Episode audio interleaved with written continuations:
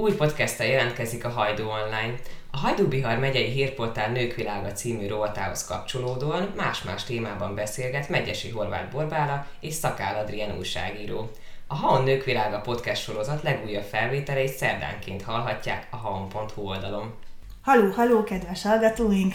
Ez itt a Nőkvilága podcast immár harmadik adása, ezúton is Szakál Adrián újságíró köszönti őket, valamint kollégám... Igen, várj egy kis fanfár, Bori. Megyesi Horváth Borbála, újságíró. Wow! Köszönöm, Bori, hogy ezúttal is velem tartasz, amikor a legutóbbi cikket készítettem a Nők Világa cikk sorozatunkba, akkor gondoltam rád, ugyanis Csak tudom, akkor. most, most még többet, még intenzívebben, és főleg a mai beszélgetést illetően, ugyanis tudom, hogy óvodás kislányod van. Ez a hölgy pedig, illetve nő pedig, Berde Barbara, ő egy debreceni óvodapedagógus. A sztoria azért is érdekes, amiért én meghívtam őt erre a beszélgetésre, mert azzal a sokat tapasztalható helyzettel szemben, amivel tényleg találkozhatunk szinte nap, mint nap, hogy ha valahol húzamosabb ideig a hivatásunkban dolgozunk, és van egy előrelépési lehetőség, akkor ö, hát ö, nem annyira szépen fogalmazva hülye, aki kihagyja, ő pedig éppen akkor fordított hátat egy Debrecen nagyerdő aljai kimondottan elit óvodának, amikor már elvégezte az intézményvezetői posztgraduális képzést is, viszont önmagát megfigyelve olyan szembetűnő jeleket tapasztalt magán, amik a kiégést mutatták százszerzalékosan, hogy fogta magát, ennek az egésznek hátat fordított, és nem kezdett új hivatásba, ami nekem különösen érdekes ebben a történetben, hogy nem azt mondta, hogy nem bírok többet gyerekekkel lenni, hogy nem bírok többet óvónő lenni, hanem azt mondta, hogy gyerekek nélkül soha, de nem itt, hanem máshol. Azért, mert szerintem ő nagyon okosan találta meg az előrelépés fogalma mögött a valódi tartalmat. Számára szerintem az, hogy intézmény, intézményvezetővé vált volna, pont azt jelentette volna, hogy kevesebbet foglalkozik a gyerekekkel, és sokkal többet mondjuk a dokumentációval, meg azzal a bürokratikus rendszerbe való beilleszkedéssel, ami együtt jár egy vezető szereppel és ő ezt nagyon ügyesen felismerte, és megérezte, hogy az előrelépés az az ő életében nem itt rejlik, hanem a gyerekekkel való közvetlen munkában, és az abban a gyerekek fejlesztésében. És hát vezest fel kérlek, hogy hová is ment, mert talán ez, ez a legizgalmasabb része, milyen gyerekek között van most. Igen, ami meglepett, hogy nem csak települést váltott, nem csak munkahelyet váltott, hanem települést is váltott, ezen kívül azt a célcsoportot is, illetve ö, azt a közösséget is ö, merőben, hát ha nem is kicserélte, de másikat talált helyette, ugyanis Hajdúsámsonban helyet, helyezkedett el. Ez most nem kényszerű lépés volt a részéről, hanem nagyon ö, tudatos döntés volt a részéről, hogy Hajdúsámsoni óvodában azért tudjuk, hogy nagyon sok a hátrányos helyzetű gyermek, sok szegény család járatja oda a gyermekét, és Barbara ilyen szinten is szerintem nagyon-nagyon bátran méretette meg magát ebben a, ebben a helyzetben. Ami érdekes volt még ennek kapcsán, hogy, hogy azt mondta, hogy nincs több probléma, csak mások a problémák. Hát ez a megméretés amúgy az ő szempontjából is egy fontos kérdéskör. Megállom-e a helyem ott is? Ahol nincsen napi megélhet, mert itt ebben az elit óvodában nem volt napi megélhetési probléma a kérdés.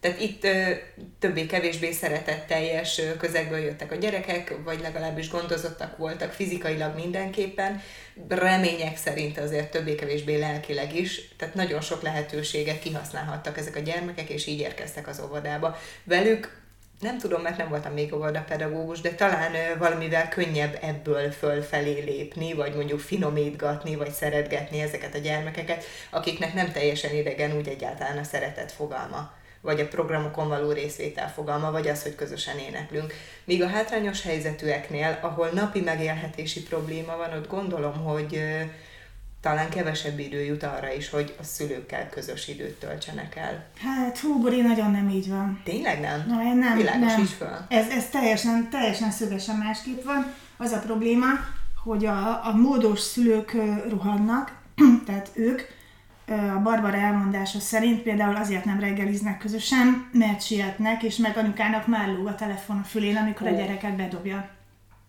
Tehát ott azért nincs reggeli.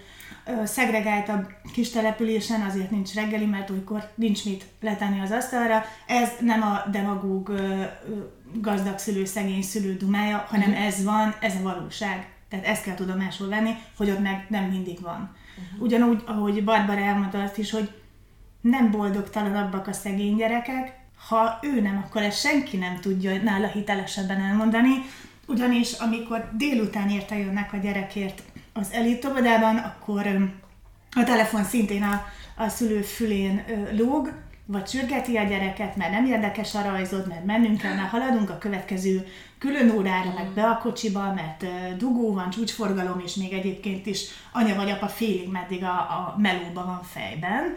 Ezzel ellentétben a semsonéi környezetben meg a, a gyerek azért jó, hogyha bent uzsonnázik még az iskolában, mert otthon nem feltétlenül tudnak neki adni, vagy nem annyira biztonságos számára a környezet.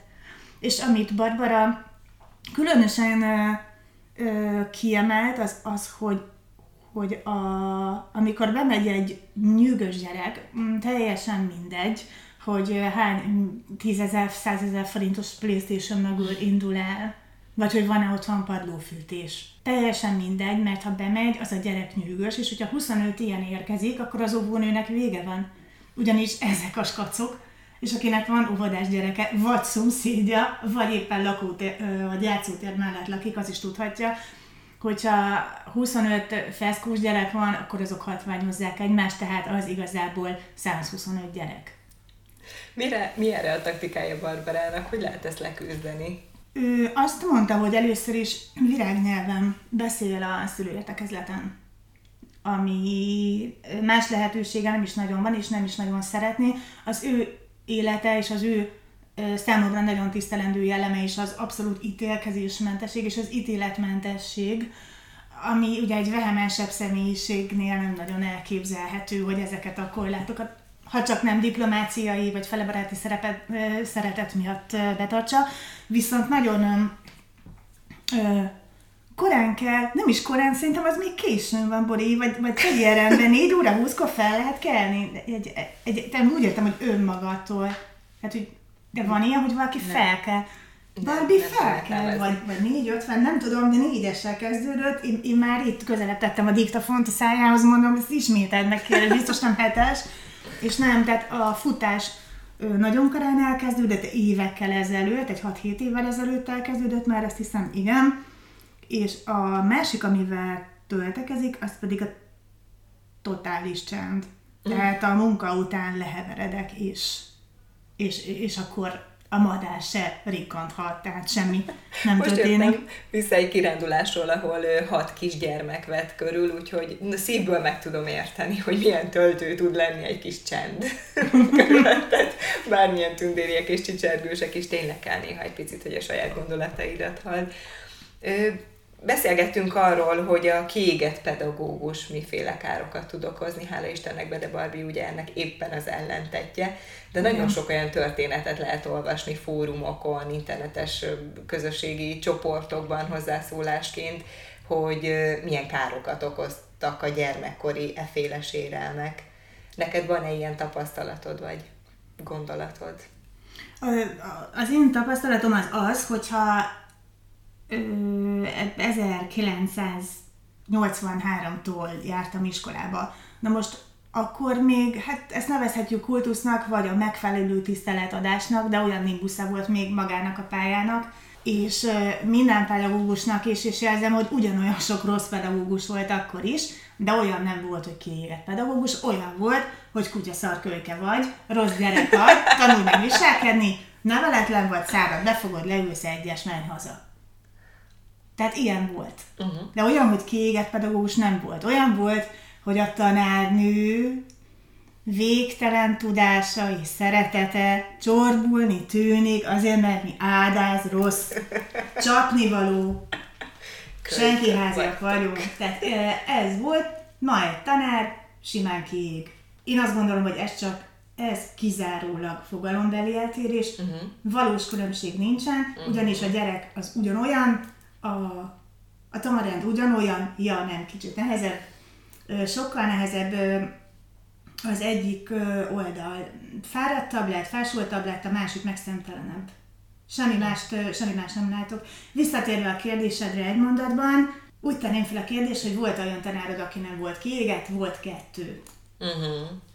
Nekem nagyon sok volt, viszont egy nem olyan régi rossz élményem, hogy volt egy ö, osztálytalálkozóm, és ezen az osztálytalálkozón derült ki számomra, hogy az osztályfőnökünk vallotta, soha nem akart tanár lenni. És ő egyébként egy nyugdíjas pedagógus, és nekem ez annyira rosszul esett, olyan elemi rossz élmény volt, hogy, ne, hogy ott a szemükbe mondta ezt, miközben maximálisan értékelem az őszintességét, de amikor tinédzser voltam, és én voltam a világom közepe, azt hittem, hogy az összes, illetve nem, hogy azt hittem, nem is foglalkoztam a kérdéskörrel. Szinte egyértelmű volt számomra, hogy az összes tanárunknak az egész pályája arra épül, hogy minket jobb, életre valóbb, okosabb diákként engedjenek ki az iskolából, mint ahogyan bementünk és amikor az osztályfőnököm ezt bevallotta, az egy ilyen, e, ilyen megcsalás érzés volt. Hogy ja, te nem is akartál vele foglalkozni ezekben az években, vagy hogy úgy ered, már nyilván azokban az években, amikor osztályfőnökként velünk volt, biztosan akart, meg hiszem, hogy a legjobb tudása szerint ö, igyekezett a pályáján helytállni, meg velünk szót érteni, de annak tudata így utólag, hogy ő eredendően nem ezt a pályát akarta választani, nagyon-nagyon rosszul eső volt. Ha visszagondolok arra, hogy milyen tanáraim voltak, ö, elsőként ö, felidézendő tanárok, ha így magamban, vagy magam elé képzelem, akkor egész biztos, hogy ö, velük kapcsolatos ö, jellemző az nem, nem, nem az ugrik be, hogy mit tanítottak, hanem valamilyen személyiségbeli vonásuk. Az ugrik be, hogy ez a pedagógusom annyira türelmes volt, hogy én ezt szeretnék ilyen türelmes lenni, vagy mondjuk annyira nagy volt a tudása, tehát lehetett érezni a szavai mögött, vagy azt, hogy, em, tehát, hogy nagyon intelligens, vagy azt, hogy a tudás tere, vagy a tudás anyaga, ami benne van, annyira sok, hogy ez lenyűgöző. Vagy ami még nekem nagyon jelentős élmény, hogy szituációkat hogyan oldottak meg, emberileg hogyan oldottak meg. Tehát olyan szituációkban, ahol főleg ahol feszültség volt, vagy, fe, vagy akár éppen szemtelenséget kellett kezelni, vagy valamilyen feszült szituáció volt, arra hogyan reagáltak. És nekem ezek a tanárok, akik megmaradtak az emlékemben. Nem azt mondom, hogy nem fontos, hogy mit tanítanak tárgy szempontjából, de az nekem valahogy sokkal fontosabb, hogy hogyan adják át, és a, a tanított tárgy mellett mi, miben példaértékűek. Az neked megvan, Bori, hogy, a, hogy azért szeretnél jó lenni egy tantárgyból, vagy jó jegyet kapni egy tantárgyból, egyébként, amit nem annyira szeretsz, vagy utálsz, mert, mert olyan tiszteletre méltó, hogy annyira közel áll a szívedhez a tanár. Ez szerintem alap. Ez alap. alap. Sajnos. Vagy nem, nem tudom, hogy sajnos-e. Várj, nem, ezt most visszavonom ezt a sajnost, mert nem gondolnám. Mert hogy ez egy ilyen belső megfelelés, egy belső vágy, nem, nem a külső kényszer, hogy azért, hogy ne kapjak egyest, hanem azért, hogy ő neki bizonyítani tudjak. És szerintem ez egy jó fajta motiváció motivációban azt gondolom nem, nem válogatunk. Tehát ez nem... Ebben a korban motivációban már nem válogatunk, örülünk, Ebben a korban nem, mert, mert örülünk, hogyha, hogyha nem a labzárta, akkor az ébresztő óra inspirál, inspirál, de ugye azt a szót már 45 évesen nem használhatom, hogy kötelez, mert hol lenne itt az elmúlt 35 év személyiségfejlődése, sehol. Viszont, viszont ami volt, azt nagyon köszönöm ezúton is a volt osztályfőnökömnek az Adi Endre gimnáziumban érettségiztem, és abban a kivételes szerencsében volt részem, hogy Rózsa Völgyi Gábor volt az osztályfőnököm. A aki, legendás, mondhatom, legendás pedagógus. A, a legendás, és nem a ö, vonalzós körmös osztás miatt legendás, hanem azért, mert annyira sokat adott minden egyes osztálytársamnak is nekem is, és tudom, hogy nincsen kivétel abból a szempontból, hogy örökre vissük a fejünkbe és a szívünkbe, hogy mi nagyon értékes emberek vagyunk. És én ezt úgy tanultam meg tőle, hogy elsőben megbuktam történelemből. De nem ez, ami beugrik először róla. Nem. És ez nagyon nagy áldás. Az Ezt külön tudod választani a feladatod, az aktuális feladat elvégzésének a szintjét attól, hogy te milyen ember vagy. Uh-huh. És ez iszonyúan fontos. Na, most akkor egy kérdés. Csak egy. Ha, ha megtippeled, válaszolhatsz a következő témakörben, és az első kérdésem volt. Ha nem, Szerinted a következő hanyas... 20 percet egyedül kell végig beszélned, tök jól jársz. Azt hiszem, néha, amikor hallgatlak, hogy ezt számodra kimondottan inkább ajándékelne, mint sem teljesítendő kötelesség. Szerinted hanyasra érettségeztem töriből? Elsőbe buktál meg? Igen. Hát akkor négyesre. Tehát felszívtad magad és összeszedted, mert meg akartál felelni ennek a tanárnak. A jelesig. Ötös, Ötös! kaptam. Ötös kaptam. Ezután is gratulálok. Mindkettőtöknek, ugyanúgy tanár és neked is. Azt hiszem, hogy, hogy még ekkor is inkább, inkább neki állt a köszönet. Szóval a jó tanár egy életen át ott marad jóként, azt gondolom, hogy a rossz meg rosszként, és ezért is nagyon klassz, amikor egy Barbara vagy egy hozzá hasonló ember azt mondja, hogy én sokkal jobban szeretem a gyerekeket annál, mint hogy rosszul bánjak velük. Mm. Mert a cikkben benne van, ha csak egy mm, három szóban is az, hogy már nem érezte jól magát a társaságukat, tehát már nem élvezte úgy a munkát. Úgyhogy érdekes ez, és Ugyanakkor el is gondolkodtam azon, hogy, hogy azok az emberek, akik nem pedagógusként, de valamilyen szinten kötődnek a gyermekeinkhez, például orvoshoz visszük őket, fogorvoshoz visszük őket, vagy animátorként dolgoznak egy játszóházban, hogy mennyire kell az, hogy azt a nyelvezetet, vagy azt a fajta kedvességet képviseljék, hogy a, a gyereknek jó legyen mellette lenni. Ez az alap szerintem. Mert hogy a gyermekeink nem ennyire tudatosak, nekik nem lehet azt mondani, hogy figyelj, azért volt veled ilyen pokróc, mert nem tudom, neki is biztos valami baja van. Vagy hát lehet, csak, e, csak ettől még nem fogja nyugodt szívvel kinyitni a száját a fogorvosnál a gyermekem. A gyermekünk sokkal-sokkal érzékenyebb, ő érzelmekkel dolgozik, és hogyha a fogorvos levegőnek nézi őt, vagy teljesítendő feladatnak, akkor ő rettegni fog abban a fogorvosi székben, és lehet, hogy nem csak akkor, hanem 30 év múlva is, vagy 40 év múlva is, mert ez az alapvető élménye hogy ebben a valakiben nem lehet bízni, mert engem levegőnek néz, és mondjuk csak a szüleimhez beszél hozzám, meg nem.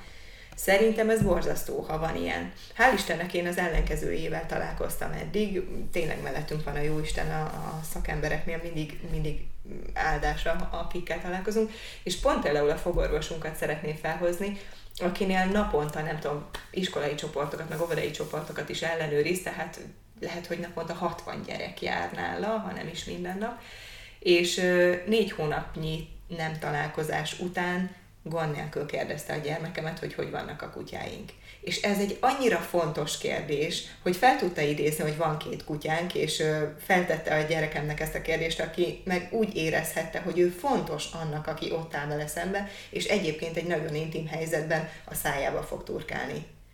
Egyébként ez felnőttként is fontos szerintem mindenféle nem, nem akarok csak szolgáltatást mondani, mert mindenféle kommunikációban fontos, hogy azt érez, hogy a másik figyel rád, és amit mondasz neki, az nem a levegőbe száll el, hanem valamelyest fontos neki. Igazad van, Gyermekként meg pláne nagyon-nagyon fontos. A múltkor én is nagyon ki voltam akadva nőgyógyásznál, amikor nem kaptam jutalommatricát. Jaj, megértem, meg bátorság bizonyítványt. igen, igen, igen. A, Bocsánat, még a gyereknyelvre. Ja igen, várj, várj, el kell mondanom egy ellenpéldát. És nem azért, mert nem értek veled egyet, mert tudom, hogy mekkora kegyelem, amikor egy gyerek jó élménnyel jön ki egy tömés után, de a kisfiam dobolni jár, és az ő doktanárja, hát egy igazi Rokarc egyébként hatalmas egyéniség, és nagyon klassz figura, úgy szokták mondani az ismerősei, hogy nyers bája van. Hát ez azt jelenti, hogy nem kimondottan úgy beszél, mint egy gyermek fogász a három éves kislányal. Nem mindig válogatja meg a szavait, sem a retorikáját, ő olyan rokkosan tanít, úgy is kommunikál, és néha hiteles, hiteles, hiteles, csak hogy a Mátékán múltkor hazajött a dobóráról, és azt mondta, hogy anya, valami nem stimmel a tanárbácsival, mondom, mi történt? Azt mondja, szerintem elvesztette önmagát, mert olyan kedves volt. szóval amikor... szóval van az a helyzet, amikor a gyerek már igenis van olyan érett, lehet, hogy ez azért van, már elhagytuk az óvodáskort, és a kis mm. kamaszkorba léptünk, amikor a gyerek már el tudja fogadni, hogy egyfajta nem érzelmi alap pont megszületett, de, de mégis valamiért használt lazaság vagy nyers kommunikáció, az hozzátartozik az ember szegé, személyiségéhez, és egy idő után ezt meg is tudja szeretni.